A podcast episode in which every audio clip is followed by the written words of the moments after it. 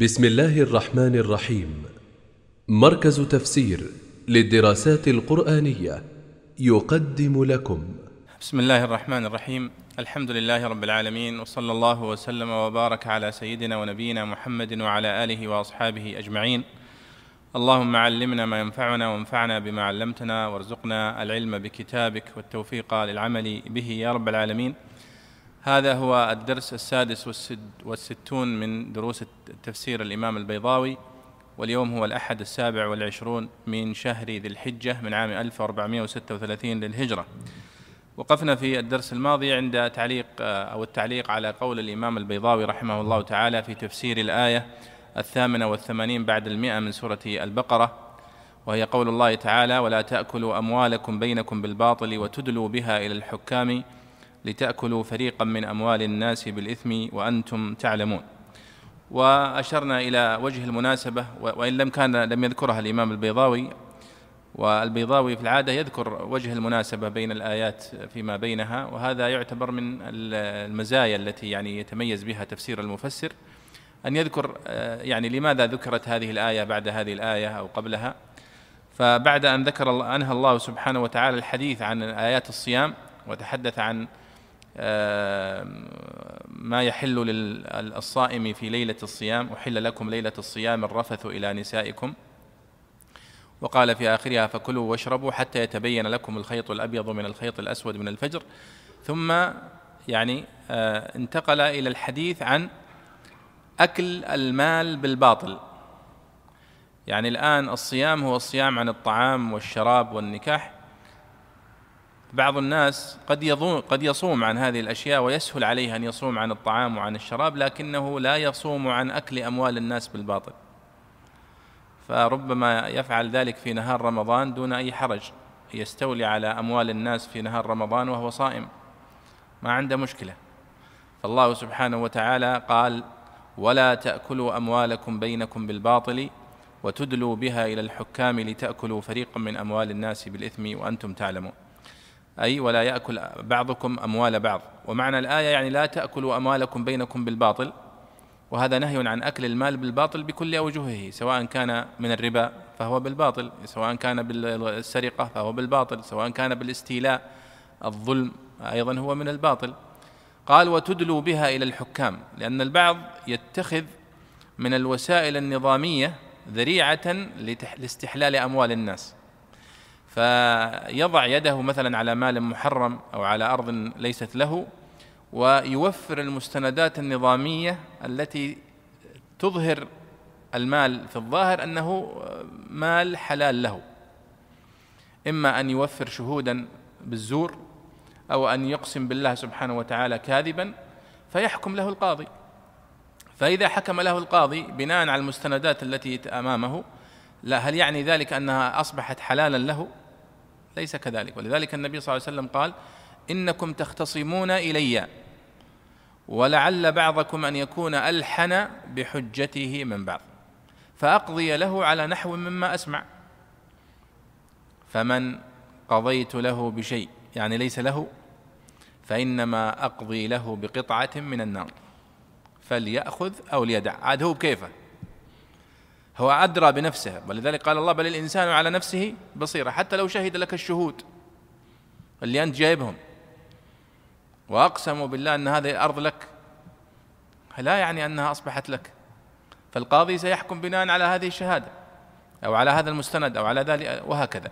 فهذا معنى قولي وتدلوا بها إلى الحكام. يعني تتخذوا ذريعة أو تتخذوا حكم الحاكم أو القاضي ذريعة لاستحلال أموال الناس لأنكم ظاهريا وفرتم المستندات اللازمة فحكم لكم بذلك.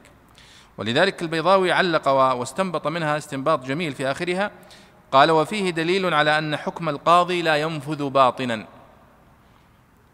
تحاكمت إلى القاضي جاء القاضي وش عندك من مستندات؟ والله أنا عندي هذا الشاهد عندي هذا السند عندي هذا. قال خلاص أجل معناته الأرض لك.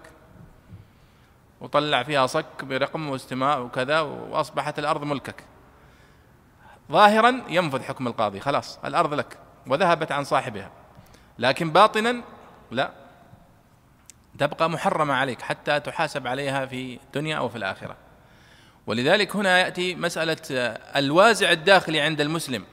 مهما اتخذ القانون أو اتخذ الشرع من التدابير اللازمة لمنع وقوع الفساد المالي أو غيره فيبقى الوازع الداخلي عند المؤمن هو الذي يمنعه من الوقوع في هذه المحرمات. وهذا هو الذي يمو يعني يميز المؤمن الصادق من الكاذب. آه أيضا آه ذكر البيضاوي قول النبي صلى الله عليه وسلم الذي ذكرته أنه يعني حكم القاضي لا ينفذ باطنا وإنما ينفذ ظاهرا. حتى النبي صلى الله عليه وسلم وهو الذي يوحى إليه قال لعل إنكم تختصمون إلي. ولذلك احتج بها البيضاوي هنا. قال عليه ويؤيده قوله عليه الصلاة والسلام إنما أنا بشر وأنتم تختصمون إلي. ولعل بعضكم يكون ألحن بحجته من بعض. يعني أبلغ في الحجة وأقدر على إظهار الأدلة و فأقضي له على نحو ما أسمع منه. فمن قضيت له بشيء من حق أخيه فإنما أقضي له قطعة من نار. وطبعا الحديث له روايات كثيرة. طيب هذه الآية التي وقفنا عندها فيها مسألة في قوله هنا ولا تأكلوا أموالكم بينكم بالباطل وتدلوا بها إلى الحكام لتأكلوا فريقا من أموال الناس. يعني هذا في العادة يتحدث عنه المفسرون هذا الأسلوب. لتأكلوا فريقا من أموال الناس. يعني لتأكلوا شيئا من أموال الناس. وبعض المفسرين يقول هذه من باب التقديم والتأخير. يعني معنى الآية فلا تأكلوا أموال فريق من الناس. بالباطل وبالزور يعني. طيب الآن ننتقل إلى آه، قوله سبحانه وتعالى بعدها يسألونك عن الأهلة قل هي مواقيت للناس والحج تفضل اقرأ يا شيخ أحمد. أعوذ بالله من الشيطان الرجيم. يسألونك عن الأهلة قل هي مواقيت للناس والحج. وليس البر بأن تأتوا البيوت من ظهورها ولكن البر من اتقى. وأتوا البيوت من أبوابها واتقوا الله لعلكم تفلحون. قال رحمه الله يسألونك عن الأهلة سأله معاذ بن معاذ ابن جبل وثعلبة ابن غنم فقال ما بال الهلال يبدو دقيقا كالخيط ثم يزيد حتى يستوي ثم لا يزال ينقص حتى يعود كما بدأ. قل هي مواقيت للناس والحج فإنهم سألوا عن الحكمة في اختلاف حال القمر وتبدل أمره. فأمره الله أن يجيب بأن الحكمة الظاهرة في ذلك أن تكون معالم للناس يؤقتون بها أمورهم ومعالم للعبادات المؤقتة يعرف بها أوقاتها وخصوصا الحج. فإن الوقت مراعا فيه أداء وقضاء. والمواقيت جمع ميقات من الوقت والفرق بينه وبين المدة والزمان أن المدة المطلقة امتداد حركة الفلك من مبدأها إلى منتهاها. والزمان مدة مقسومة والوقت الزمان المفروض لأمر. نعم. آه، يقول الله سبحانه وتعالى يسألونك عن الأهلة وهذه من الآيات القليلة في القرآن الكريم التي ورد فيها التصريح بأسئلة الصحابة رضي الله عنهم للنبي صلى الله عليه وسلم. وهذه يعني فيها أدب أيها الإخوة نستفيده من القرآن الكريم كيف أن الصحابة رضي الله عنهم مع أن النبي صلى الله عليه وسلم بين أيديهم إلا أنهم لم يكونوا يكثرون عليه الأسئلة. وإنما كانوا يعني أسئلتهم محدودة وذلك الأسئلة التي وردت في القرآن الكريم محدودة جدا يسألونك عن الأهلة يسألونك عن الخمر يسألونك عن اليتامى وهكذا ومعظم هذه الأسئلة وردت في سورة البقرة وهذا من مزاياها فهي مليئة بالأجوبة عن كثير من القضايا الكبرى التي سئل عنها النبي صلى الله عليه وسلم. يقول الله سبحانه وتعالى: يسألونك عن الأهلة. قال البيضاوي سأله معاذ بن جبل وثعلبة ابن غنمة كما قال المحقق أن هذا هو الصواب ابن غنمة وليس ابن غنم. فقال ما بال الهلال يبدو دقيقا كالخيط ثم يزيد حتى يستوي ثم لا يزال ينقص حتى يعود كما بدا أخرجه أبو نعيم وابن عساكر في تاريخ دمشق من طريق السدي عن الكلبي وهذا السند ضعيف واهي غير مقبول عند المحدثين وعند المفسرين فلذلك هذه الرواية يعني ليست رواية صحيحة. لكن آه، واضح من من من من صيغة الآية أنها وردت سؤال يسألونك. لكن من هو الذي سأل بالضبط أو متى هذا؟ يعني لم يرد فيه يعني ما يثبت. لكنه واضح أنه سؤال من الصحابة رضي الله عنهم. سألوه عن سؤال يتعلق بالأهلة وهي الهلال يعني جمع أهلة جمع هلال. لماذا يبدو صغيرا في أول الهلال ثم يكبر شيئا فشيئا حتى يستتم كاملا في وسط الشهر ثم يبدأ ينقص ينقص. هذا هو السؤال. الجواب كان مخالفا للسؤال. يعني كأن الله سبحانه وتعالى يقول السؤال الذي سألتموه لا فائدة من الإجابة عليه. الإجابة العلمية تصور الآن عن أنها قضية الظل أو لا؟ أن الظل يعني لا يزال يعني ظل الأرض بين الشمس وبين يعني الأرض تكون بين القمر وبين الشمس أو العكس. فالمهم أنها يعني لا يزال الظل يكبر يكبر حتى يستتم ثم ينقص. لكن طيب ما هي الفائدة التي تترتب على هذا السؤال في عملك؟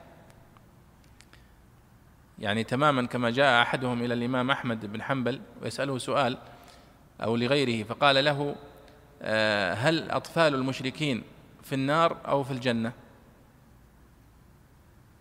طيب أنت وش عليك أنت من أطفال المشركين اللي قبل الإسلام يعني؟ هم في يعني هذا سؤال آه، ما يترتب عليه عمل بالنسبة لك أنت يعني. أمرهم إلى الله. لذلك ورد في مواضع في القرآن الكريم تلك أمة قد خلت. لها ما كسبت ولكم ما كسبتم ولا تسألون عما كانوا يعملون.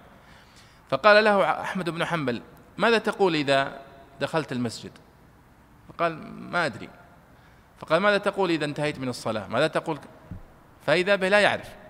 فقال عليك بما يعنيك في يومك وفي ليلتك. تعلم كيف تصلي كيف تذكر الله. واترك عنك أطفال المشركين ولا هل الكفار مكلفون بفروع الشريعة ولا غير مكلف؟ هذه مسائل كلامية لا يترتب عليها عمل بالنسبة للإنسان. هنا السؤال عن حجم الهلال هذا سؤال علمي يتعلق بعلم الفلك الآن صح ولا لا؟ لكن الله سبحانه وتعالى جاء بالجواب في مسألة يعني تهمك أنت في عملك الذي وفي عبادتك. فقال الله سبحانه وتعالى قل هي مواقيت للناس والحج. هم سألوا عن لماذا يبدو الهلال صغير ثم يكبر ثم يصغر. فالله سبحانه وتعالى قال يسألونك عن الأهلة. قل هي مواقيت للناس والحج. هذا الجواب. الجواب في ناحية والسؤال في ناحية. وهذا يسمونه في علم البلاغة أسلوب الحكيم. أسلوب الحكيم. وهو أن يأتي الجواب بما ينفع السائل. بما ينفع السائل لا بما يريد. فإنه قد يسأل عما لا فائدة منه. فيأتي الجواب بما ينفعه. قال البيضاوي هنا فإنهم سألوا عن الحكمة في اختلاف حال القمر وتبدل أمره فأمره الله أن يجيب بأن الحكمة الظاهرة في ذلك أن تكون معالم للناس يؤقتون بها أمورهم ومعالم للعبادات المؤقتة يعرف بها أوقاتها وخصوصا الحج فإن الوقت مراعا فيه أداء وقضاء. إذا يعني البيضاوي هنا يبين لنا كيف كان السؤال وكيف جاء الجواب. أن الله سبحانه وتعالى أمر النبي صلى الله عليه وسلم بأن يجيبهم بأنه جعل الله سبحانه وتعالى هذا الهلال بهذه الصورة. ليكون مواقيت. وهذا ولله الحمد هو الذي تسير يسير عليه المسلم. فنحن نراقب الهلال ونراقب في دخول الشهر وفي خروجه في رمضان وفي الحج وفي غيرها من العبادات. نحن مرتبطين بالقمر. وهذه علامة يستطيع أن يدركها أي واحد. لا تحتاج إلى ميكروسكوب آه، تكون دقته مثلا آه، عشرة في المليون من الدقة من الميكرو ولا لا. عبادات المسلمين مرتبطة بقضايا يدركها الجميع العامي والمتعلم والمتخصص وغير المتخصص.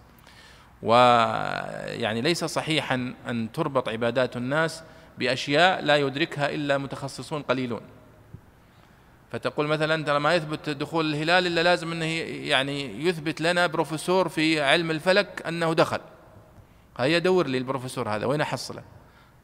تبغى تصوم تبغى تحج تبغى الله سبحانه وتعالى ربطها بما يدركه الإنسان العادي الذي يراها ويتعبد لله سبحانه وتعالى بها. نحن الآن مثلا نصلي المغرب إذا غربت الشمس. هنا وفي أي مكان في الصحراء إذا رأيت الشمس غربت صل. إذا طلع الفجر تصلي الفجر. وهكذا. إذا زالت الشمس دخل الظهر. وهكذا. فهي يعني مرتبطة بهذه الأجرام السماوية. أراد الله سبحانه وتعالى أن تكون معالم ومواقيت يستدل بها المسلم على دخول هذه العبادة وخروجها. طيب ثم قال البيضاوي والمواقيت جمع ميقات من الوقت. نعم المواقيت أو قل هي مواقيت مواقيت جمع ميقات. ميقات الاسم للوقت للموضع واسم للمكان أيضا أو اسم للمكان واسم للزمان. فيقال مثلا إن الصلاة كانت على المؤمنين كتابا موقوتا يعني محدد بزمان. الساعة, مثلا اليوم متى أذن الظهر المغرب مثلا؟ أذن الساعة خمسة وأظن ثلاثين دقيقة مثلا.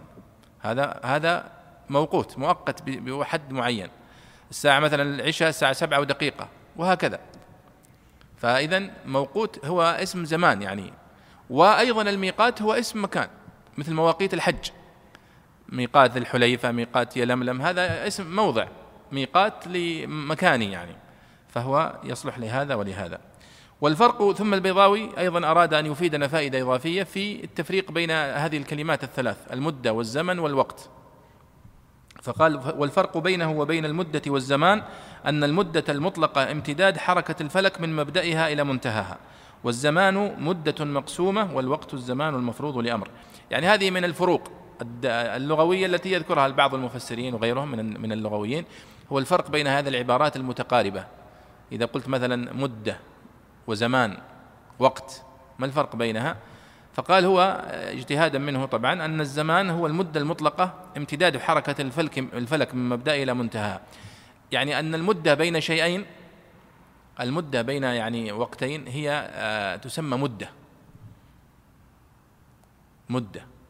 وأما الزمان فهو المدة المقسومة والمحددة. وأما الميقات فهو الزمان المفروض له بداية له نهاية. هذا ميقات.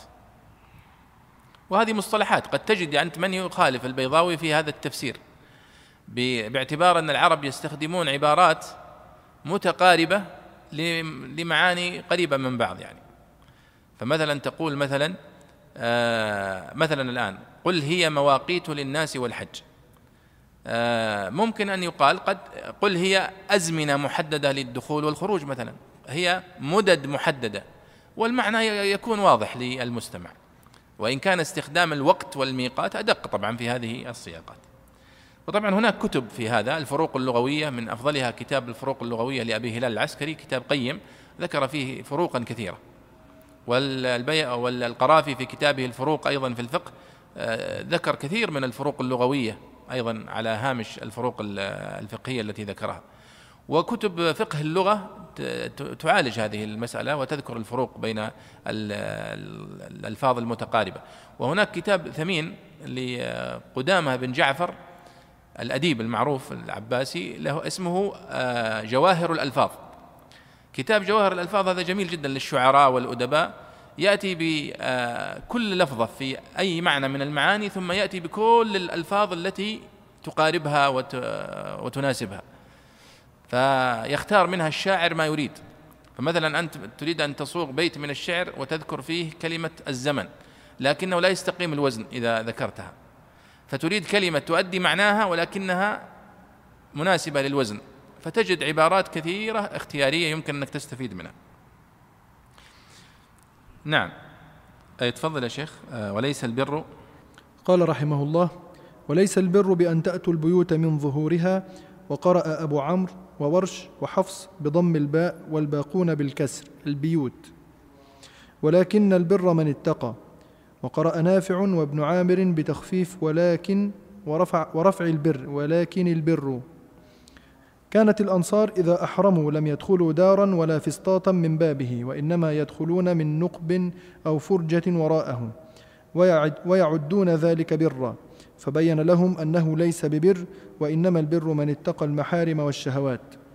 ووجه اتصاله بما قبله أنهم سألوا عن الأمرين أو أنه لما ذكر أنها مواقيت الحج وهذا أيضا من أفعالهم في الحج ذكره للاستطراد أو أنهم لما سألوا عما لا يعنيهم ولا يتعلق بعلم النبوة وتركوا السؤال عما يعنيهم ويختص بعلم النبوة عقب بذكره جواب ما سألوه تنبيها على أن اللائق بهم أن يسألوا أمثال ذلك ويهتموا بالعلم بها أو أن المراد به التنبيه على تعكيسهم في السؤال بتمثيل حالهم بحال من ترك باب البيت ودخل من ورائه. والمعنى ليس البر بأن تعكسوا مسائلكم ولكن البر بر من اتقى ذلك ولم يجسر على مثله.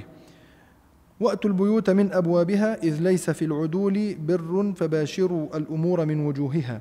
واتقوا الله في تغيير أحكامه والاعتراض على أفعاله لعلكم تفلحون لكي تظفروا بالهدى والبر. نعم. يقول الله سبحانه وتعالى وليس البر بأن تأتوا البيوت من ظهورها ولكن البر من اتقى وأتوا البيوت من أبوابها. هذه الآية من الآيات القليلة في القرآن الكريم التي لا يمكن أن تفهم على وجهها إلا إذا عرف سبب النزول. إلا إذا عرف سبب النزول. وهناك يعني الآيات التي لها سبب نزول بعض الآيات تفهم حتى لو لم تعرف سبب النزول. يمكن أن تفهم وبعضها لا لابد أن تعرف سبب النزول حتى تدرك المعنى الصحيح. وهذه الآية هي من العادات التي يمكن أن نسميها عادات العرب. من الأشياء المفيدة جدا. للمفسر أن يعرف عادات العرب في الوقت الذي نزل فيه القرآن. يوم كان ينزل القرآن على النبي صلى الله عليه وسلم كان هناك عادات متأصلة في عند العرب أو عند بعض العرب. يعني ليس بالضرورة مثلا على سبيل المثال عادة وأد البنات. البعض يذكرها على أنها عادة والصحيح أنها ليست عادة عند جميع القبائل وإنما هي عند قبائل قليلة لكنها ذكرت في القرآن الكريم. هنا هذه العادة كانت موجودة عند أهل المدينة. عند أهل المدينة. وهي أنهم كان الواحد منهم إذا ذهب إلى الحج يحج فإذا رجع من الحج ما يدخل مع باب البيت. وإنما يروح في خلف البيت وينقب نقب يعني يفتح له فتحة كذا ويدخل معها. ويرى أن هذا من كمال البر وأن هذا دليل على أنه يعني رجع جديد. من من ذنوبه فلك أن تتخيل يعني كل واحد منهم جالس يفتح له فتحة في وراء البيت ويعني خربوا البيوت صح ولا لا؟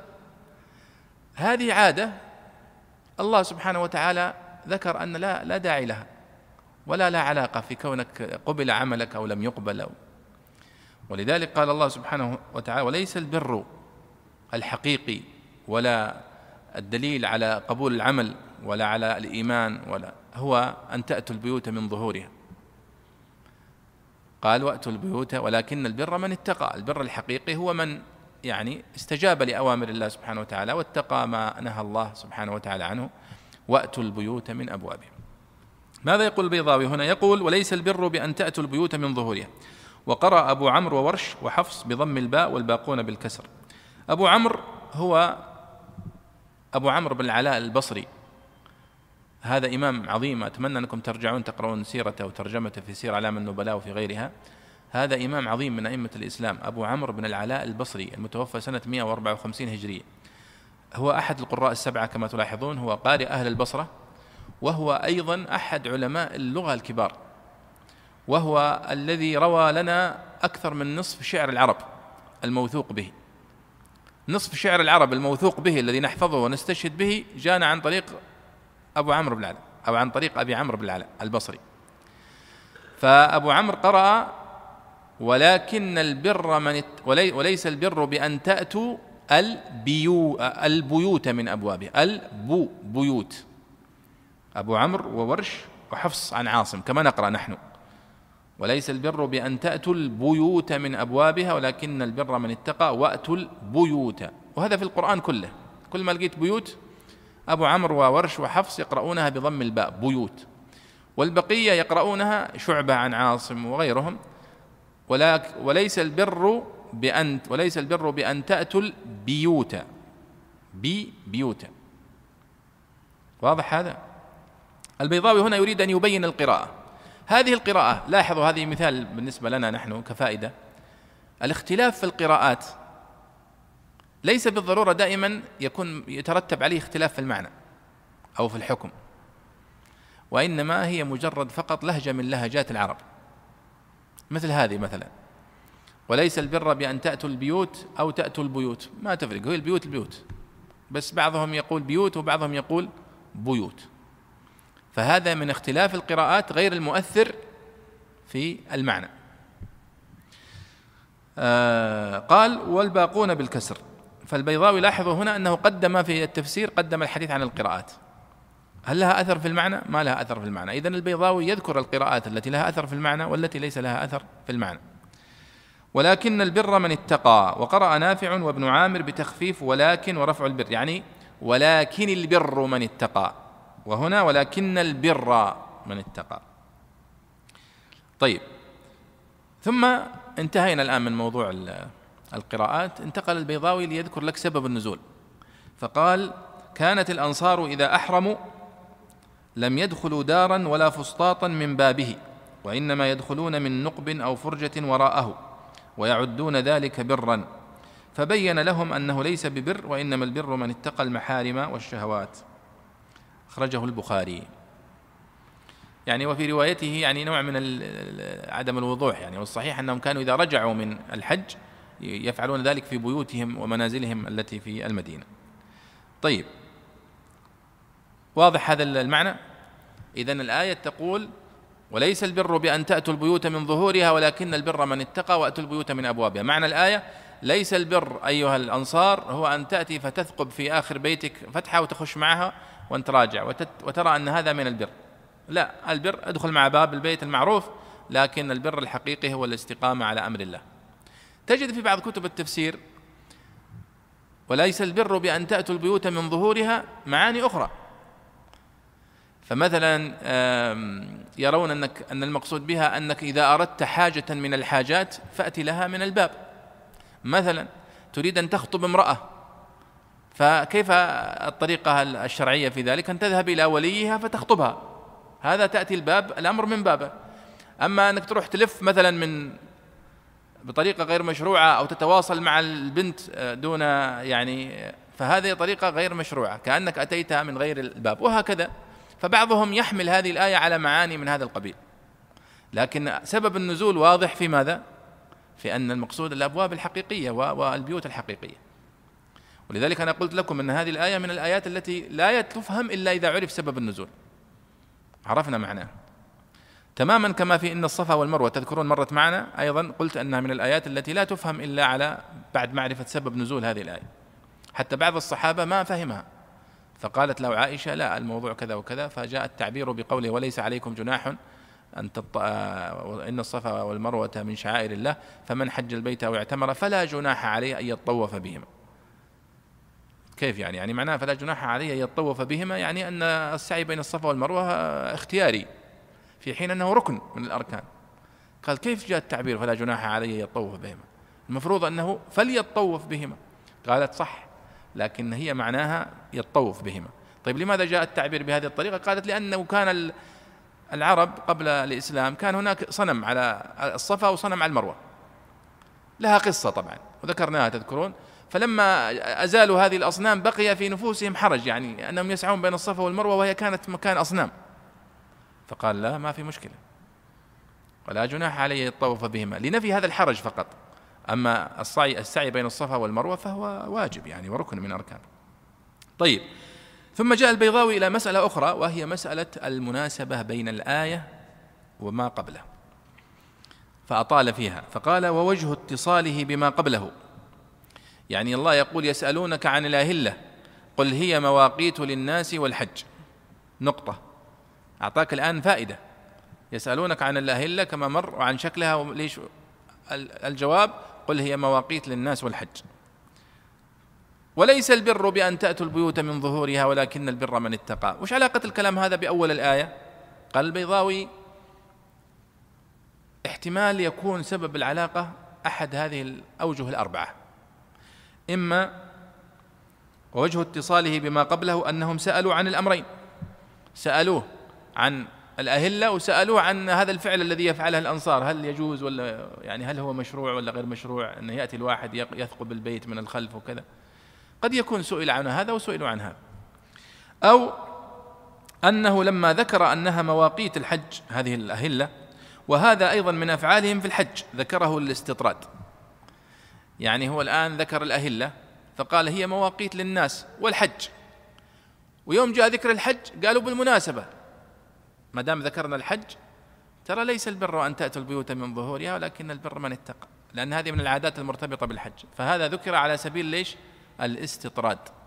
والاستطراد معناه هو أن تذكر كلاما لا مناسبة له لمناسبة لقرينة. أصلا ما كان له داعي تذكره في الكلام لكن بمناسبة ذكر كذا وكذا ذكره. وهذا يرد في كلام الناس اليوم. يعني بالمناسبة وعلى ذكر كذا وعلى ذكر كذا هذا كله من باب الاستطراد في الكلام.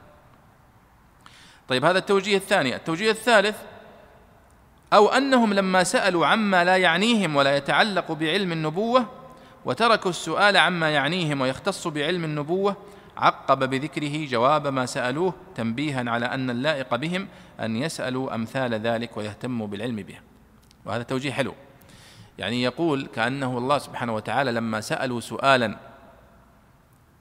لا فائدة له النبي صلى الله عليه وسلم هل بعثه الله حتى يشرح لنا مراحل تطور القمر؟ لا الرسول صلى الله عليه وسلم جاء حتى يبين لك كيف تعبد الله سبحانه وتعالى وكيف تنجو من النار و فبدل ما يسأل مثل هذا السؤال الذي لا يترتب عليه عمل المفترض أنكم توجهون إليه أسئلة يترتب عليها عمل. فكأنه جاء هذا من هذا الباب. وليس البر بأن تأتوا البيوت من ظهورها زي ما سويتوا سؤالكم هذا تسألون عن مراحل القمر. ولكن البر من اتقى وأتوا البيوت من أبوابها. هذا أيضا توجيه. التوجيه الرابع أو أن المراد به التنبيه على تعكيسهم في السؤال بتمثيل حالهم بحال من ترك باب البيت ودخل من ورائه. يعني كأنه يقول سؤالكم عن عن مراحل نمو الهلال وترككم للفائدة الحقيقية زي اللي يجي يخش من وراء البيت والباب موجود. طيب هذه المناسبات التي ذكرها البيضاوي يمكن أن نقول بها كلها. ما هي زي الأقوال في التفسير وإنما هي آه، استنباط من المفسر في وجه المناسبة لماذا ذكرت هذه ثم ذكرت هذه؟ فهذه تنبني على الاجتهاد. فمثل هذه الأشياء اللي ذكرها البيضاوي هنا يمكن أن نقول بها كلها. نقول والله قد يكون ذكرها لأنهم سألوا عنها كلها وانها من باب توبيخهم ودلالتهم على الصواب والأولى في الأسئلة وأنها أيضا استطرادا لما ذكر الحج وغير ذلك. طيب. قال والمعنى وليس البر بأن تعكسوا مسائلكم ولكن البر بر من اتقى ذلك ولم يجسر على مثله. وأتوا البيوت من أبوابها. طبعا هذه الآية أصبحت تجري مجرى المثل صح ولا لا؟ يعني مثلا الآن عندما كل واحد منا في حياته اليومية تمر به مواقف يصح أن يقال يعني ائتوا البيوت من أبوابها صح ولا لا؟ ادخل الأمر من بابه. تريد تتخرج من كلية الهندسة وتروح تدرس في كلية الشريعة؟ ما يمكن. أتي البيوت من أبوابها روح ادرس في كلية الهندسة التحق بها وهكذا. فيعني هي من الآيات التي أشبهت الأمثال. وأتوا البيوت من أبوابها إذ ليس في العدول بر فباشروا الأمور من وجوهها. واتقوا الله في تغيير أحكامه والاعتراض على أفعاله لعلكم تفلحون لكي تظفروا بالهدى والبر. إذا نحن نقول أيها الإخوة أن معنى قوله وليس البر بأن تأتوا البيوت من ظهورها المعنى المباشر للآية هو ما كان يفعله الأنصار تعبدا ويرون أنه يعني من البر. ثم أي معنى من المعاني الأخرى فهو يدخل في ذلك من باب القياس. التفسير على القياس.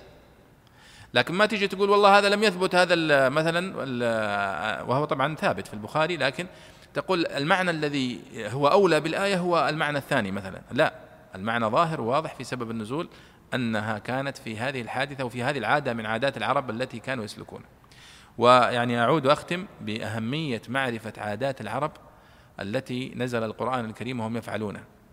فإنها تشرح كثير من الآيات القرآنية. يعني مثلا ستأتي معنا إن طال الله في العمر؟ آه إنما النسيء زيادة في الكفر. يضل به الذين كفروا. يحلونه عاما ويحرمونه عاما ويحلونه عاما ويحرمونه عاما ليواطئوا عدة ما حرم الله. فيحلوا ما حرم الله. زين لهم سوء أعمالهم والله لا يهدي القوم الظالمين. ما تستطيع تفهم الآية إلا إذا عرفت العادة التي يتكلم عنها هذه الآية. عادة من عادات العرب. تيجي تقول لي والله النسيء في اللغة العربية هو التأخير. طيب يلا. إنما التأخير زيادة في الكفر. ما تفهم ما تفهم. لازم تعرف أن النسيء هو عادة من عادات العرب كانوا يستطيلون هذه الشهور التي نحن فيها الآن. ذو القعدة وذو الحجة ومحرم. ثلاثة شهور تسعين يوم محرمة. محرم فيها الحرب ومحرم فيها القتال ومحرم. ورجب ما في مشكلة رجب هو محرم لكن هو وحيد يعني ثلاثين يوم ينصبر عليه.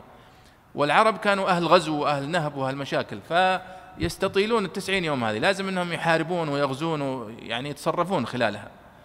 فأسندوا إلى قبيلة من قبائل العرب مسألة النسيء هذه. قالوا أنتم مفوضين. أنكم تقدمون الأشهر وتؤخرون فيها. عشان نعرف إيش؟ يعني نحصل رزقنا في الثلاثة شهور هذه. فيجي هذا حق النسيء في يوم الحج يقول شوفوا السنة هذه بقدم صفر وأجل محرم. قالوا خلاص. السنة الجاية يغير يقول شوفوا السنة السنة هذه محرم بنأخر الشهرين يصير هو بدل شهر ثلاثة. ونقدم ربيع أول. قالوا تم. ويلعبون في الشهور كذا حتى لخبطوا الوقت. ولذلك النبي صلى الله عليه وسلم لما حج حجة الوداع قال كلمة مهمة جدا. قال إن الزمان قد استدار كهيئته يوم خلق الله السماوات والأرض. يعني اللعبة اللي جالسين تلعبونها السنين هذه كلها بالشهور حتى لخبطتوا الناس. لا السنة هذه اللي أنا حج فيها محرم هو محرم صفر هو صفر ربيع أول ربيع أول. ومن ذاك اليوم إلى الآن ما صار فيها عبث. طيب تبغى تفهم أنت الآن النسيء دون أن تعرف هذه العادة؟ ما تقدر. لازم تعرفها. ولذلك يعني عادات العرب في الجاهلية مهم معرفتها في فهم القرآن الكريم في النسيء في عادة آه، هذه إتيان البيوت من ظهورها في آه، هكذا يعني. وفيها بحوث طبعا عادات الجاهلية وأثرها في فهم القرآن الكريم بحوث مثل الدكتور ناصر الماجد له بحث بهذا العنوان. عادات الجاهلية دراسة قرآنية. طيب. آه ثم ننتقل الآية الأخرى يا شيخ أحمد وقاتلوا في سبيل الله. أعوذ بالله من الشيطان الرجيم. وقاتلوا في سبيل الله الذين يقاتلونكم ولا تعتدوا. إن الله لا يحب المعتدين. قال رحمه الله وقاتلوا في سبيل الله جاهدوا لإعلاء كلمته وإعزاز دينه. الذين يقاتلونكم قيل كان ذلك قبل أن أمروا بقتال المشركين كافة المقاتلين منهم والمحاجزين. وقيل معناه الذين يناصبونكم القتال ويتوقع منهم ذلك دون غيرهم من المشايخ والصبيان والرهبان والنساء. أو الكفرة كلهم فإنهم بصدد قتال المسلمين وعلى قصده. ويؤود ويؤيد الأول ما روي أن المشركين صدوا رسول الله صلى الله عليه وسلم عام الحديبية وصالحوه على أن يرجع من قابل فيخلو له مكة شرفها الله ثلاثة أيام. فرجع لعمرة القضاء وخاف المسلمون ألا يوفوا لهم ويقاتلوهم في الحرم أو الشهر الحرام وكرهوا ذلك فنزلت. ولا تعتدوا بابتداء القتال أو بقتال المعاهد أو المفاجأة به من غير دعوة أو المثلة أو قتل من نهيتم عن قتله. إن الله لا يحب المعتدين لا يريد بهم الخير. نعم. إذا انتقل الحديث الآن عن الجهاد في سبيل الله. ويعني الآيات التي وردت في الجهاد في سبيل الله في القرآن الكريم كثيرة. وهي شعيرة من أعظم شعائر الإسلام وهي سنام سنام. الله النبي صلى الله عليه وسلم ذكر أن أن سنام الإسلام هو الجهاد في سبيل الله. وأخبرنا النبي صلى الله عليه وسلم أنه يعني ما ترك قوم الجهاد في سبيل الله إلا ذلوا. وصدق عليه الصلاة والسلام. آه الله يقول هنا وقاتلوا في سبيل الله الذين يقاتلونكم ولا تعتدوا. هذه الآية دستور في الجهاد في سبيل الله. الحرب في الإسلام ليس فيها عدوان. وإنما هي حرب عادلة. المسلمون لا يعتدون ولا يسفكون الدماء من أجل سفك الدماء واستيلاء على الأرض لا. وإنما هو كما قال الله في سبيل الله. المقصود بالجهاد أو القتال في سبيل الله هو إعلاء كلمة الله. ولذلك النبي صلى الله عليه وسلم جاءه أحد الصحابة رضي الله عنه قال يا رسول الله الرجل يقاتل حمية. دون قبيلة دون يعني قرية دون كذا. والرجل يقاتل للمغنم. أي ذلك في سبيل الله؟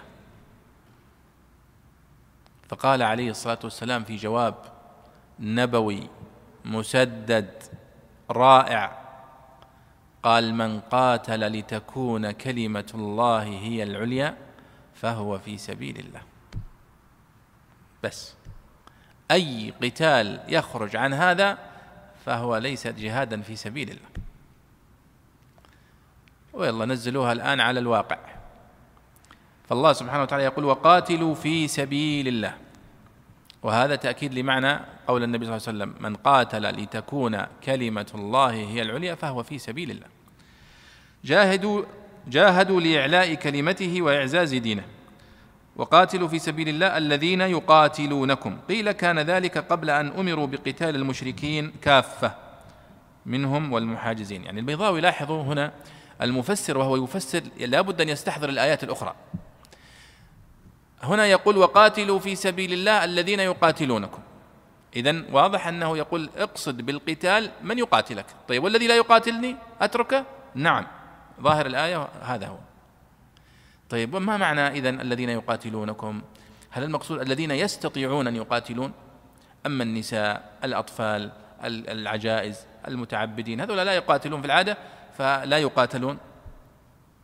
كما كان النبي صلى الله عليه وسلم يوصي الجيش لا تقتلوا عجوزا لا تقتلوا امرأة لا وهكذا. فالبيضاوي طرح هذا التساؤل في بداية عندما أراد أن يفسر الآية. وقاتلوا في سبيل الله الذين يقاتلونكم. فقال قيل كان هذا قبل أن يؤمروا بقتال المشركين كافة لأن الله قال في سورة التوبة وسورة التوبة نزلت قبل الحج. الذي حجه أبو بكر الصديق في السنة التاسعة. فأبو بكر الصديق هو الذي أمره النبي صلى الله عليه وسلم أن يحج بالمسلمين في السنة التاسعة. يوم خرج أبو بكر و يعني ذهب نزلت سورة التوبة. فأمر النبي صلى الله عليه وسلم علي بن أبي طالب رضي الله عنه أن يدرك المسلمين وأن يبلغهم سورة التوبة. فكان سورة التوبة فيها يعني حديث طويل جدا عن الجهاد في سبيل الله. وفيها آية السيف المشهورة وهي الآية السادسة من سورة أو الخامسة من سورة التوبة. واقتلوهم حيث ثقفتموهم فالله يقول وقاتلوا المشركين كافة كما يقاتلونكم كافة طيب هنا تقول وقاتلوا وقاتلوا في سبيل الذين يقاتلونكم. هل هذه الآية تخصص تلك الآية أم أنها نزلت قبلها وتلك نزلت بعدها؟ هنا المفسرون يتحدثون عن هذه المسألة. لأن إذا ظهر لهم أي تعارض بين آيتين مباشرة يتوقفون. هل هذه متقدمة؟ هل هذه متأخرة؟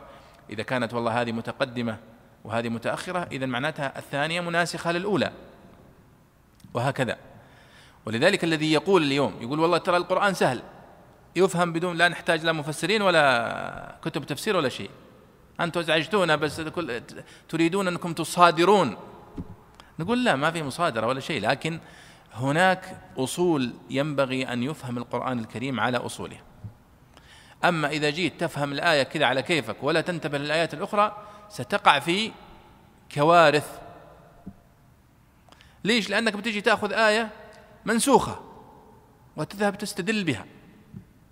فتأتي مثلا يسألونك وتأتي معنا يسألونك عن الخمر والميسر. قل فيهما إثم كبير ومنافع للناس وإثمهما أكبر من نفعهما. يلا استدل بها الآن على تحريم الخمر. يجي يقول يا أخي ما هي ما حرمها. يقول صح فيها إثم وفيها إثمها أكبر بس ما قال حرام. أنا بصبر على الإثم اللي فيها. ما هي مشكلة. ما دامت ما هي حرام وش تقول له هذا؟ ما لك قول عليه. أو يأتي واحد فيقول يا أيها الذين آمنوا لا تأكلوا الربا أضعافا مضاعفة. يقولها بسيطة خلاص أنا بأكل ضعف واحد. ما بأكل أضعاف مضاعفة. والله حرم الأضعاف المضاعفة. طيب وش تقول له هذا؟ إذا عرفت أن هذه الآيات هي تحدثت في مرحلة من مراحل تحريم الخمر وتحريم الربا. أراد الله سبحانه وتعالى أن يهذب هذا المجتمع فتلاحظون من من من منهج القرآن الكريم في عرض آيات الأحكام التدرج في بعضها خاصة الأحكام المتعلقة بالتربية الربا مثلا الناس كلهم يتعاملون بالربا. وكما قال النبي صلى الله عليه وسلم وأول ربا أضعه ربا عمي العباس. العباس بن عبد المطلب كان له كان مشهور بهذا في الجاهلية. فتأتي مباشرة تقول يحرم ما يطيعونك الناس. فالله سبحانه وتعالى أخذهم بالتدرج. وهذه أيها الإخوة خاصية من خصائص هذا الدين لأنه دين الفطرة. وحتى ذكر الله في القرآن الكريم أن الله خلق السماوات والأرض في ستة أيام. وليست أيام بأيامنا لأنه قال في ستة أيام قبل أن تخلق السماوات والأرض يعني قبل أن يكون في حاجة اسمها يوم 24 ساعة. إذا ما معناها أنه يوم بأيام الله وإن يوما عند ربك كألف سنة. يعني ستة ألاف سنة. والله سبحانه وتعالى قادر على أن يخلقها بقوله كن صح ولا لا؟ فهي تربية لعباده وتربية لأنبيائه ولرسله على التدرج. بشويش بشويش بشويش بشويش. أولادك في البيت تربيتهم على الصلاة تربيتهم على ترك بعض العادات السلبية تربية النساء يبغى لها يعني طول نفس. التربية تحتاج إلى طول نفس. أما الغصب والقصر والعنف ما ما يؤثر تأثيرا إيجابيا على المدى البعيد. فالله سبحانه وتعالى في في تحريمه للخمر وفي تحريمه لل تدرج بالناس. شوية شوية. يعني مثلا في تحريمه للربا تدرج. فقال وما آتيتم من زكاة آه، وما آتيتم من ربا ليربو في أموال الناس فلا يربو عند الله. وما آتيتم من زكاة تريدون وجه الله فأولئك هم المضعفون. يمدح الزكاة ويذم وسكت عن الربا. وأيضا عندما تحدث عن الخمر وقال في أول أول إشارة إلى يعني تحريم الخمر خفيفة خفيفة يفهمها الذكي عندما قال يتحدث عن الأعناب ومن ثمرات النخيل والأعناب تتخذون منه سكرا يعني خمر ورزقا حسنا. قال المفسرون سكرا ورزقا حسنا. ما قال سكرا حسنا؟ سكت ما مدح السكر الذي يتخذ من من العنب ومن النخيل. وإنما قال تتخذون منه سكرا ورزقا حسنا. ففهم الناس قالوا والله سكت عن مدح السكر ومدح الرزق. دليل على أنه ما يصلح. ثم شوية شوية بدأ يحرم الخمر. لا تقربوا الصلاة وأنتم سكارى حتى تعلموا ما تقولون. فضيق أوقات الشرب. ما حرمها ثم شوية شوية في النهاية حتى يا أيها الذين آمنوا إنما الخمر والميسر والأنصاب والأزلام رجس من عمل الشيطان. فاجتنبوه. خلاص هذه الآية التي تدل على تحريم الخمر. ولذلك الصحابة هرقوها خلاص. قبلها الآيات موجودة اللي قريناها قبل شوية بس ما حد صب الخمر اللي في بيته ولا شيء. فإذا يعني هذا أسلوب من أساليب القرآن الكريم في التدرج. هنا في قوله وقاتلوا في سبيل الله الذين يقاتلونكم استوقفت المفسرين. قال البيضاوي قيل كان ذلك قبل أن أمروا بقتال المشركين كافة المقاتلين منهم والمحاجزين. هذا قول. ثم جاءت الآية التي بعدها وقاتلوا المشركين كافة كما يقاتلونكم كافة. وقيل معناه الذين يناصبونكم القتال ويتوقع منهم ذلك دون غيرهم من المشايخ والصبيان والرهبان والنساء وهذا أيضا توجيه. وقاتلوا في سبيل الله الذين يقاتلونكم أي الذين يستطيعون أن يقاتلوكم من الناس الرجال الشباب الم... أما الضعفاء والمرضى والنساء والأطفال فهؤلاء لا تقاتلوهم. وهذا يشهد لهذا الفهم قول النبي صلى الله عليه وسلم في وصيته للجيش لا تقتلوا كذا لا تفعلوا لا تفعلوا. أو الكفر كلهم فإنهم بصدد قتال المسلمين وعلى قصده. يعني وقاتلوا في سبيل الله الذين يقاتلونكم المقصود بها كل الكفرة لأنهم أصلا هم إما قاتلوك فهم بصدد مقاتلتك.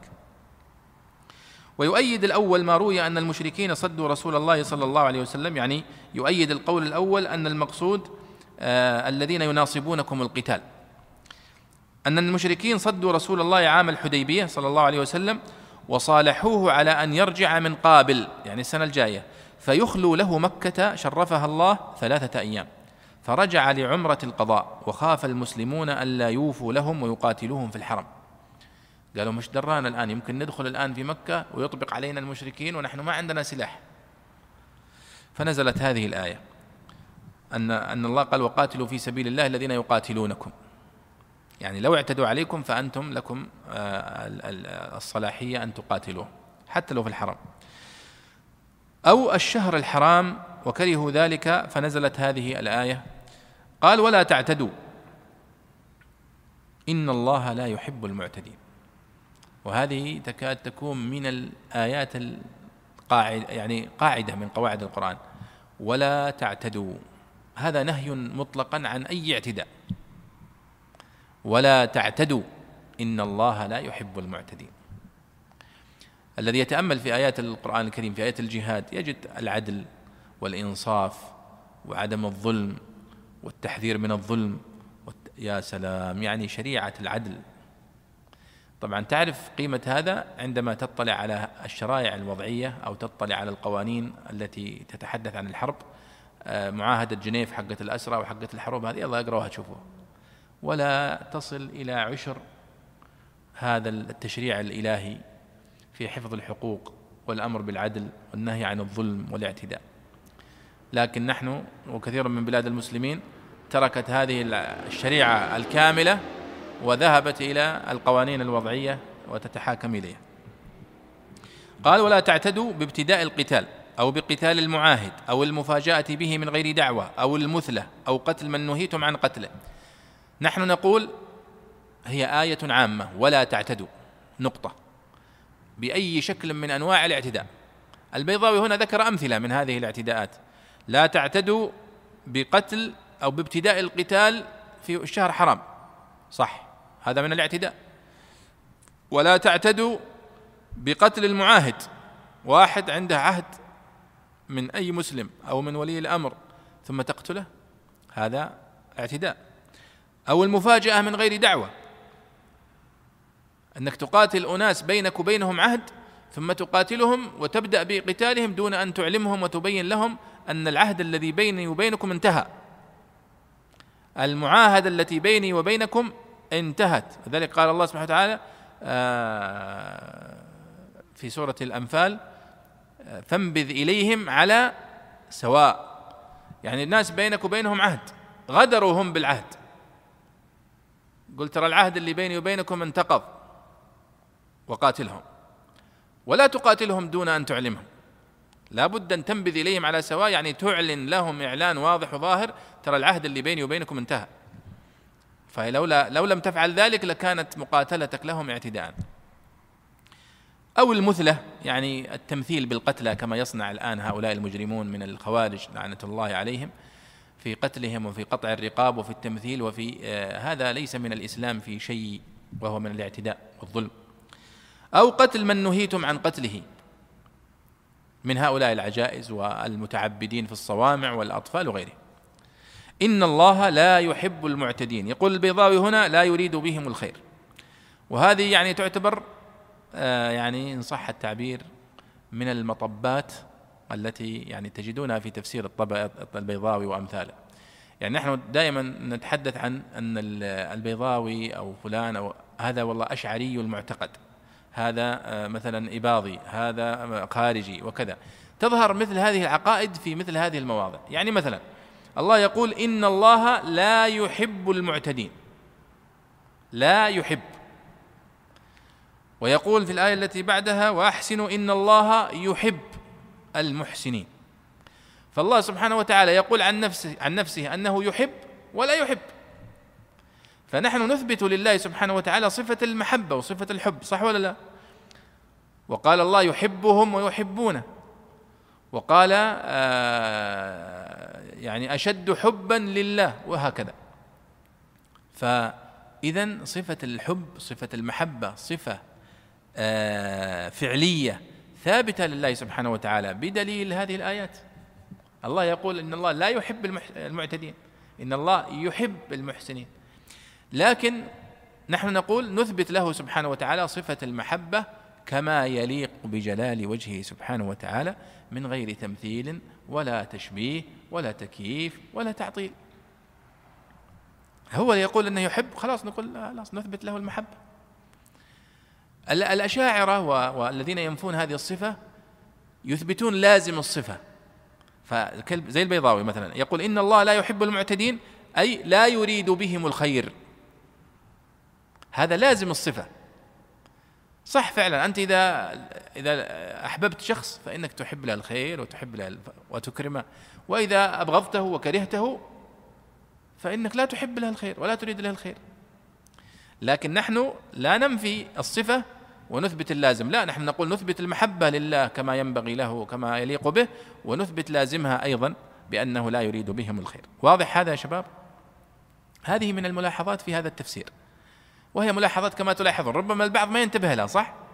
إن الله لا يحب المعتدين قال لا يريد بهم الخير ويمشي. ما يتوقف ما يستوقف ليش يقول لا يريد بهم الخير ولم يقل يعني يحبهم محبة حقيقية أو لا يحبهم يبغضهم ويكرههم. هو السبب هو هذا لأنهم يرون أنك إذا أثبتت هذه الصفات لله فأنت قد شبهته بالمخلوقين وهذا غير صحيح. طيب الآية التي بعدها يا شيخ؟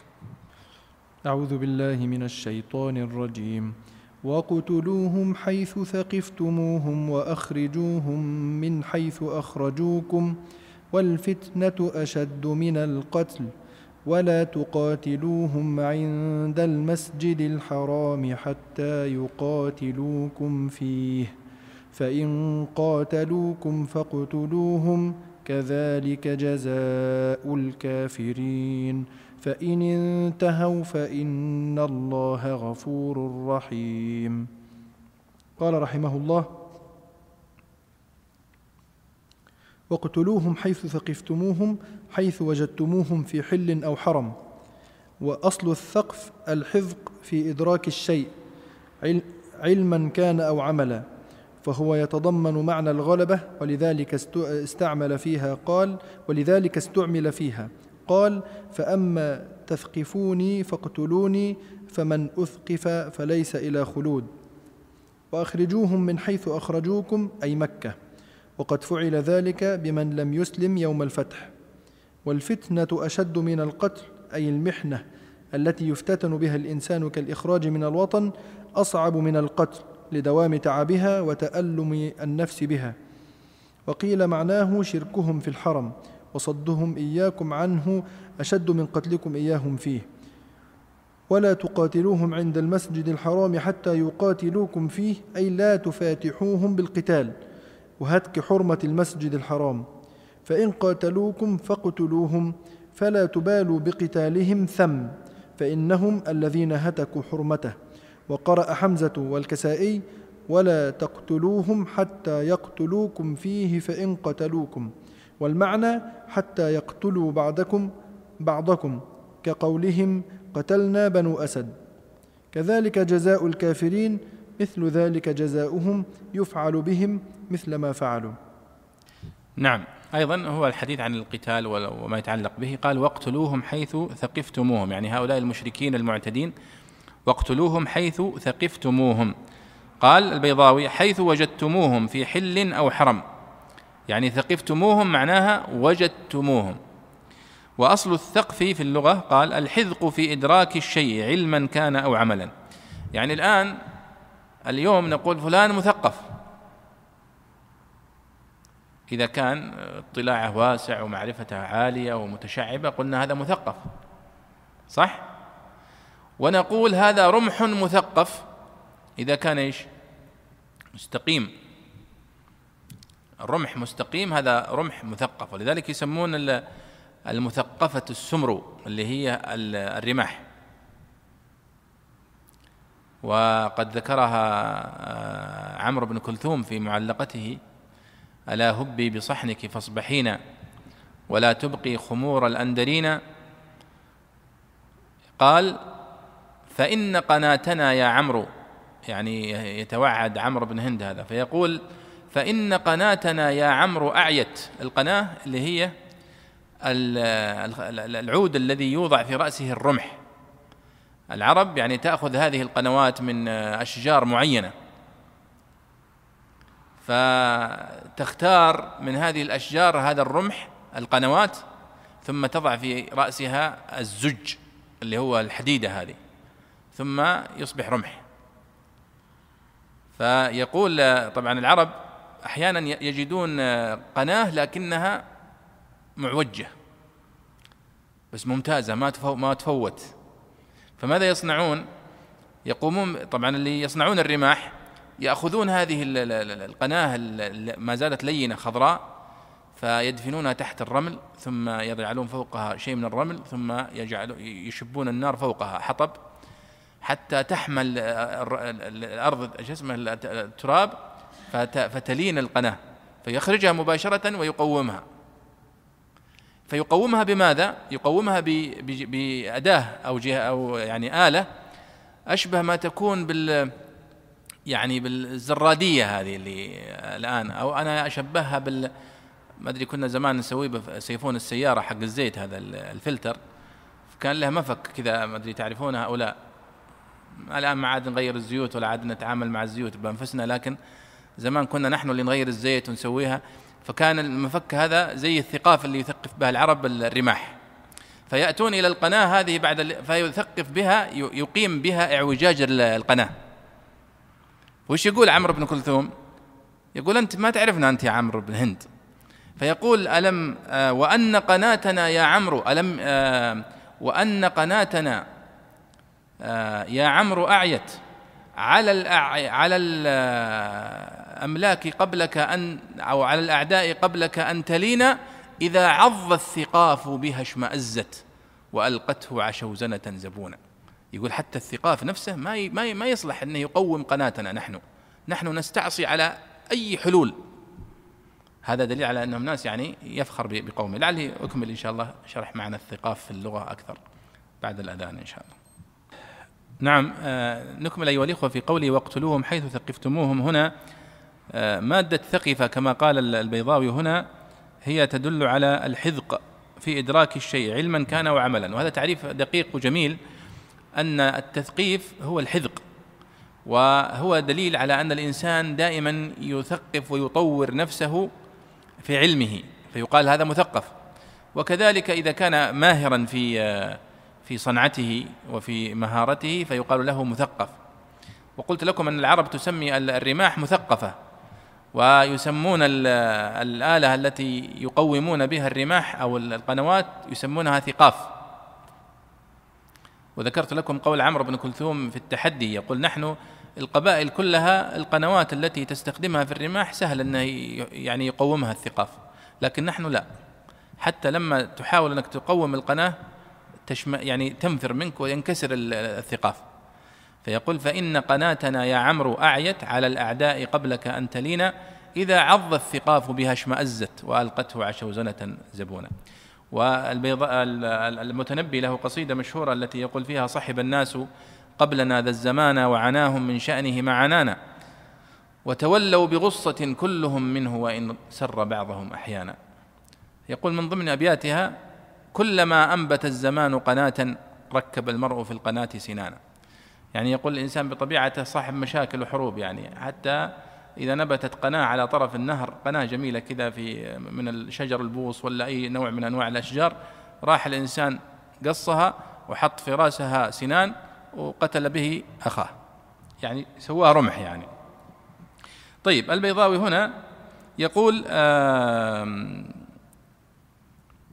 فهو يتضمن معنى الغلبة ولذلك استعمل فيها. يعني التثقيف فقوله هنا آه، في قوله تعالى واقتلوهم حيث ثقفتموهم.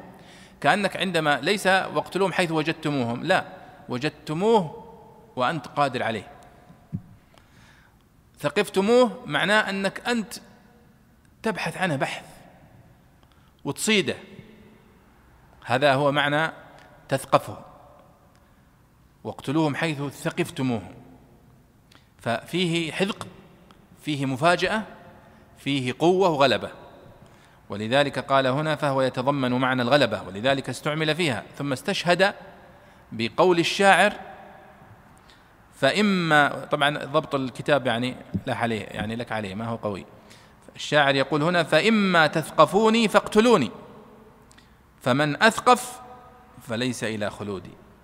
يقول أنتم إذا قدرتوا علي لا توفروني اقتلوني فمن أستطيع أنا وأقدر عليه سأقتله.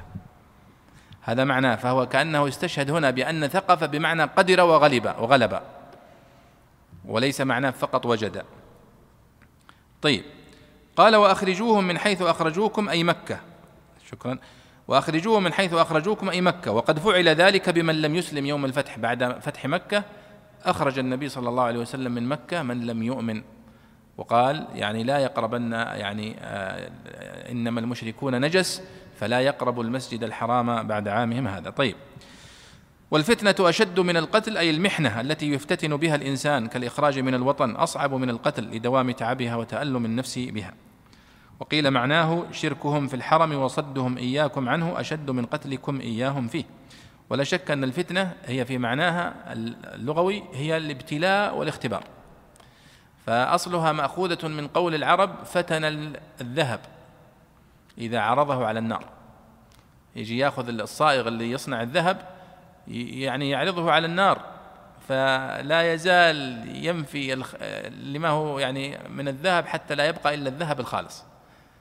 فكذلك الفتنة بالإنسان. سميت الفتنة فتنة لأنها تصنع بالإنسان كما يصنع تصنع النار بالذهب. فلا تزال تبلو تبلو تبلو حتى يخرج معدنه الأصلي. قال والفتنة أشد من القتل يعني أن فتنة الإنسان في دينه أشد من قتله ولا شك أن هذا صحيح.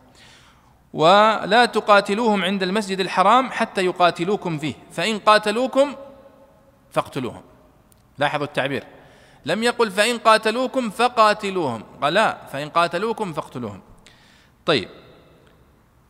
البيضاوي يقول ولا تقاتلوهم عند المسجد الحرام حتى يقاتلوكم فيه أي لا تبتدئوهم بالقتال أنتم. في الحرم تعظيما للحرم. إذا ابتدأوكم هم بالقتال قاتلوهم. أي لا تفاتحوهم بالقتال وهتك حرمة المسجد الحرام. فإن قاتلوكم فاقتلوهم. أي فلا تبالوا بقتالهم ثم فإن فإنهم الذين هتكوا حرمته ثم ذكر القراءات في هذه الآية وفيها قراءتان. قال وقرأ حمزة والكسائي وهما من قراء الكوفة ولا تقتلوهم حتى يقتلوكم فيه. فإن قتلوكم فاقتلوهم. طيب وش الفرق بين ولا تقتلوهم و ولا تقاتلوهم؟ تقاتلوهم يمكن تقتله يمكن ما تقتله صح؟ واقتلوهم أمر بالقتل مباشرة يعني كأنه يعني لا تتركوهم حتى تقتلوهم. وإغراء بهم. أما ولا تقاتلوهم يعني لا تبدا بالقتال والمقاتل. قد تقاتل إنسان ساعة ما تقتله ولا يقتلك لكن أمرك بقتله معناته أنك لابد أنك تشد عليه شدة يعني تؤدي إلى قتله. فيقول هنا حتى يقتلوكم فيه فإن قتلوكم يعني والمعنى حتى يقتلوا بعضكم. لأنك إذا قلت الآن فإن قتلوكم فاقتلوهم يقول لك واحد طيب كيف؟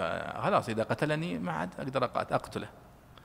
فيقول معنى الآية فإن قتلوكم أي فإن قتلوا بعضكم.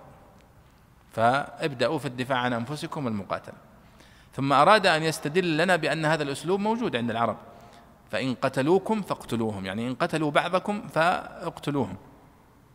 قال حتى يقتلوا بعضكم كقولهم قتلنا بنو أسد. قتلنا بنو أسد. ما ما نقول قتلنا بنو أسد لا لأن لو قلنا قتلنا بني أسد. لكن هنا قتلنا بنو أسد هذا قتلونا بنو أسد يعني قتلوا بعضنا. يعني بعض القبائل اشتكت قال جاءوا إلى النبي قالوا قتلنا بنو أسد. يعني قتلوا منا مجموعة. وأيضا في القرآن الكريم في قوله سبحانه وتعالى وكأي من نبي قاتل معه ربيون كثير. في رواية أخرى وكأي من نبي قتل معه ربيون كثير. قتلوا. ثم يقول بعدها فما وهنوا لما أصابهم في سبيل الله. معناتها قتل بعضهم. فما وهن الباقون. فهو أسلوب يعني موجود في القرآن وفي غيره في اللغة. كذلك جزاء الكافرين أي مثل ذلك جزاؤهم يفعل بهم مثل ما فعلوا. هاتان الآيتان والآية التي بعدها ستأتي معنا إن شاء الله. يعني هي من دساتير والآيات العظيمة في القرآن الكريم التي تبين قاعدة الجهاد والحرب في سبيل الله وأنه ليس فيه اعتداء وليس فيه ظلم وليس فيه انتهاك لحرمة الأمكنة ولا حرمة الأزمنة ولا حرمات الناس. وهذه هي التي ينبغي أن يحرص عليها دائما في أي جيش. لا تحت لا تهتك حرمة الأماكن ولا حرمة الزمان ولا حرمة الإنسان. لا تقتل ضعيفا لا تقتل امرأة لا تقتل عجوزا لا تقتل متعبدا معتزلا. هذه هي التي يعني شرعها الله سبحانه وتعالى في هذه الآيات وفي غيرها. لعلنا نأخذ بعض الأسئلة نختم بها. مبارك الله في علمكم. يقول ما المقصود بالإظهار في مقام الإضمار مع التمثيل؟ مع التمثيل هذا زي أسئلة الاختبارات هذا. طبعا المقصود بالإظهار في موضع في مقام الإضمار هو أن يأتي في التعبير. الإضمار يؤدي الغرض. فمثلا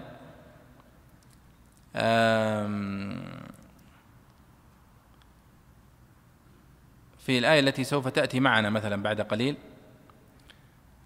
فصيام ثلاثة أيام في الحج وسبعة إذا رجعتم تلك عشرة كاملة. حلو؟ تلك عشرة كاملة. يعني يمكن أن ندلل بها وإن كانت ما هي واضحة.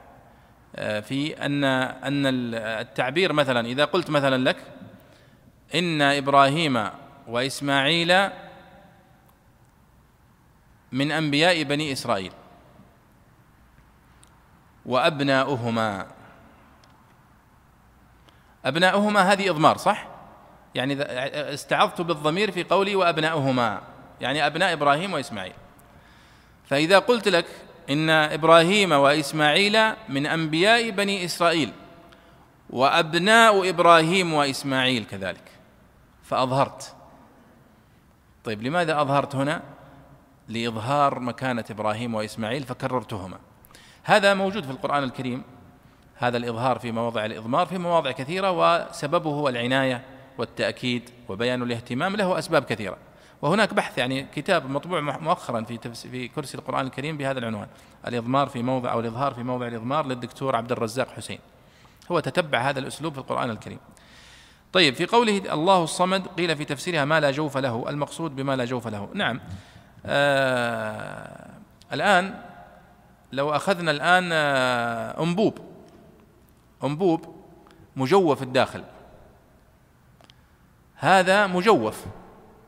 لكن إذا أخذنا أنبوب لكنه مصمت زي الحديد زي الصيخ الحديد 16 ملي و18 ملي هذا يعتبر مصمت صح؟ هذا يقال صمد أنه غير مجوف الداخل. من معاني الصمد فعلا أنه ما لا جوف له الذي تصمد إليه الخلائق. والذين يقولون في تفسير الصمد ما لا جوف له إشارة إلى أن الله سبحانه وتعالى مستغن عن ما يحتاجه خلقه من الطعام والشراب. وإلا الصمد المقصود به هو الإله الذي تصمد إليه الخلائق. أو الذي تصمد إليه الخلائق مطلقا يقال له الصمد. ثم أطلق على الله سبحانه وتعالى. وإلا السيد الصمد عند العرب في الجاهلية هو الرجل الشريف الشيخ المعروف الذي يتوجه الناس إليه في حاجاتهم وواسطاتهم وشفاعاتهم. طيب يقول هنا آه، أحسن الله إليك نلاحظ في كتب التفسير قراءات لبعض الصحابة رضوان الله عليهم كقراءة ابن مسعود وابن عباس وغيرهم ثم نجد زيادة ألفاظ تفسيرية بين ثنايا ألفاظ القرآن كقراءة ابن عباس يأخذ كل سفينة صالحة غصبا فما توجيه ذلك؟ آه، طبعا نحن نقول أن هذه القراءات هي طبعا موجودة في كتب التفسير وفي كتب القراءات. هناك احتمالات أنها هي قراءة أخذت عن النبي صلى الله عليه وسلم. أنها ثابتة قراءة فعلا. قراءة وأنهم كانوا يقرؤون كل سفينة صالحة غصبا. أو أنها تعليق من الصحابي ثم طبعا نسخت يعني في العرضة الأخيرة التي عرضها النبي صلى الله عليه وسلم وعرضها جبريل على النبي صلى الله عليه وسلم في آخر آه، حياته عرض عليه القرآن مرتين. تلك الذي الذي عرض على النبي صلى الله عليه وسلم في العرضة الأخيرة هي العمدة التي نقرأ بها اليوم. نسخ منها أشياء كثيرة. فبعضهم يقول قد يكون عبد الله بن مسعود أو فلان من الصحابة لم ينتبه إلى أن هذه هذه اللفظة منسوخة فبقي هو يعلمها ويدرسها. هذا وارد أيضا. أو أن نقول أنها تفسير من الصحابي علقه على مصحفه. ولذلك يقولون في مصحف أبي في مصحف عبد الله بن مسعود. هذا صحيح وارد. علقها بيده فنسبت إليه فيقال قراءة. ولذلك أبو عبيد آه، بن سلام في كتابه فضائل القرآن ذكر هذا سماها قراءات تفسيرية. قال فهي من باب التفسير وليست من باب القرآن. وهذه يعني فيها أيضا آه، بحوث في القراءات التفسيرية ودلالتها. هي كما ذكرت لكم. آه، يقول ذكرتم أن الله خلق السماوات والأرض في ستة آلاف سنة. كيف يستقيم هذا مع حديث أبي هريرة في صحيح مسلم بأن الله خلق التربة يوم السبت إلى آخره؟ نعم صحيح. نحن نقول يعني أن الله يقول خلق في ستة أيام. وأنه سبحانه وتعالى يعني ذكر هذا الزمن قبل خلق السماوات والأرض صح؟ يعني في يومين دحاها وفعل بها كذا وفعل بها كذا قبل أن تكتمل خلقها. فبعض المفسرين يرى أن الأيام التي خلق الله فيها السماوات والأرض ليست من أيام الموجودة اليوم. آه، قد يكون فعلا الحديث يقول السبت الأحد. نعم الأسماء لكن الزمن نفسه 24 ساعة. وإنما لم تستقم وتصبح 24 ساعة إلا بعد أن خلقت واكتملت وانتهت أصبحت يعني تجري عليها. وهذا طبعا هو قول من الأقوال. وبعضهم يقول لا هي من الأيام. وهي على كل حال سواء كانت ستة أيام أو ستة ألاف سنة فهي يعني تدل على التدرج في الخلق أن الله سبحانه وتعالى لم يخلقها دفعة واحدة وهو قادر سبحانه وتعالى. ورد أثر عن ابن عباس أنه قال طه تعني يا رجل بالسريانية. وظهر في هذه الآونة رجل اتبع نفس المنهج ففسر بقية الحروف المقطعة بالسريانية فهل يصح مثل هذا. آه، والذي أعرف الحقيقة أنه ليس مجا... ليس ابن عباس هو, ط... هو مجاهد بن جبر هو الذي قال طه يعني يا رجل بالسريانية. وطبعا المفسرون يختلفون كثيرا في آه، بيان الأحرف المقطعة في أوائل السور. ألف لام ميم. طه نون قاف. ما المقصود بها؟ ما المقصود بها؟ اولا لا يوجد حديث صحيح عن النبي صلى الله عليه وسلم في بيان تفسيره. ثانيا لم يثبت أن أحد من الصحابة سأل عنها النبي صلى الله عليه وسلم. مما يجعلنا نقول اذا هي كانت واضحة عندهم. ثلاثة وردت فيها أقوال عن الصحابة. لم يقل أحد من الصحابة أن هذه الأحرف مما استأثر الله بعلمه. هذا قول متأخر. وإنما تكلموا ابن عباس ممن قال فيها ألف يعني الله أنا الله آه، لام آه، وكذا كأنها حروف هي اختصار لكلمات. منهم من قال أنها كما قال مجاهد طه أي يا رجل باللغة السريانية. هذا يدخلنا في مسألة طويلة جدا وهي مسألة أصل اللغات. أن الذي يعني يعني أثبتته الأبحاث والدراسات المتخصصين في اللغة أن اللغة العربية لكنها ليست هذه العربية التي نتكلمها اليوم وإنما أصلها. ولذلك يميزونها يقولون هذه هي العربية وأصلها اللغة العروبية التي تفرعت عنها العبرية والسريانية والعربية الجديدة.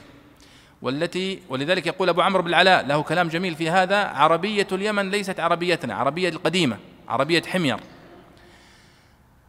الآن عندما تأتي فتقول والله الألف لام ميم ليس لها معنى.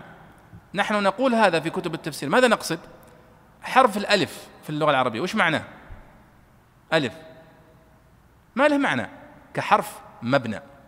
باء ما له معنى. جيم ما له معنى.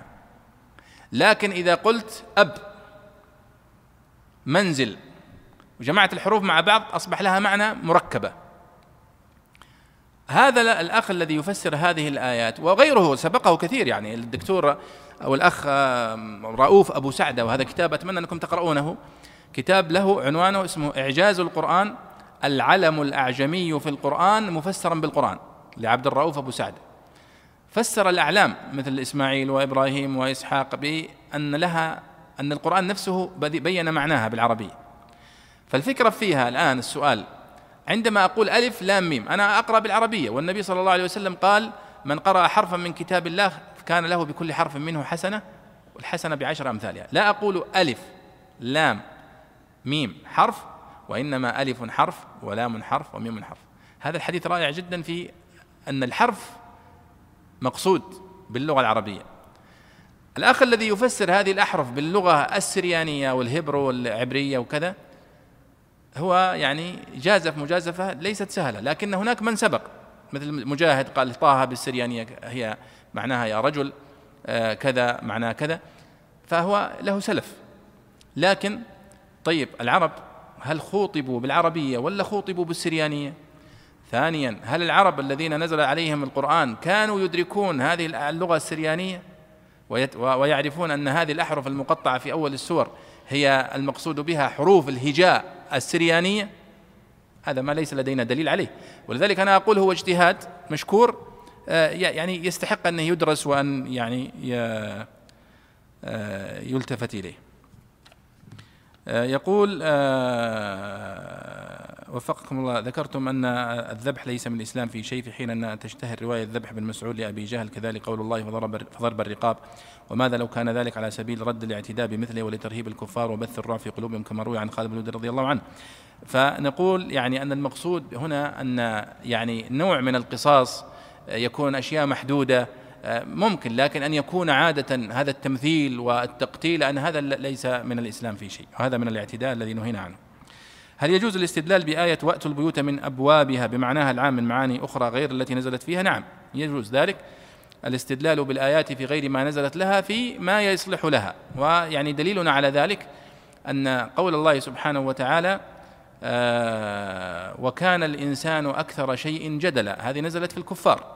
لكن النبي صلى الله عليه وسلم عندما جاء إلى علي بن أبي طالب وفاطمة رضي الله عنهما ويعني وهما نائمين في فراشهما فقال لو قمتما من الليل أو نحو ذلك فقال علي لو أراد الله لأقامنا.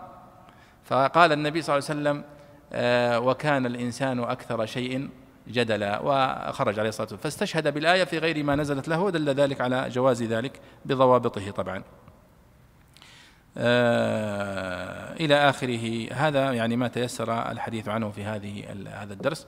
نسأل الله سبحانه وتعالى أن يرزقنا وإياكم الفهم في كتابه والفقه في كتابه وأن يعلمنا وإياكم ما ينفعنا ونكمل إن شاء الله في المحاضرة القادمة وصلى الله وسلم على سيدنا ونبينا محمد وعلى آله وصحبه أجمعين. مع تحيات مركز تفسير للدراسات القرآنية. مركز تفسير. مركز تفسير. الريادة في تطوير الدراسات القرآنية.